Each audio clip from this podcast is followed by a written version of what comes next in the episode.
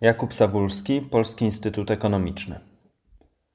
Polska jest 32 najbardziej rozwiniętym państwem świata, tak wynika z przygotowanego przez nas indeksu odpowiedzialnego rozwoju.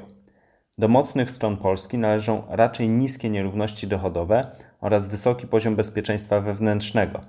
Znacząco poprawiliśmy się zwłaszcza w tym drugim obszarze. Jeszcze w latach 90. liczba umyślnych zabójstw w Polsce była trzykrotnie wyższa niż teraz.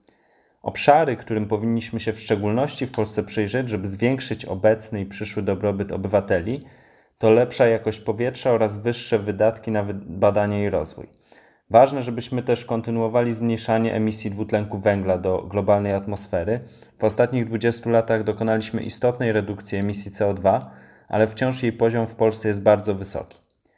Najbardziej rozwinięte państwa świata mieszczą się w Europie Północnej to Szwecja, Dania, Norwegia czy Finlandia.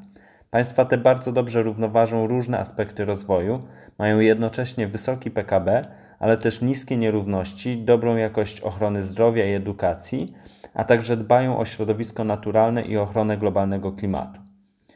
W ekonomii bardzo często dla uproszczenia utożsamiamy wysokość PKB w danym kraju z poziomem jego rozwoju i dobrobytem obywateli.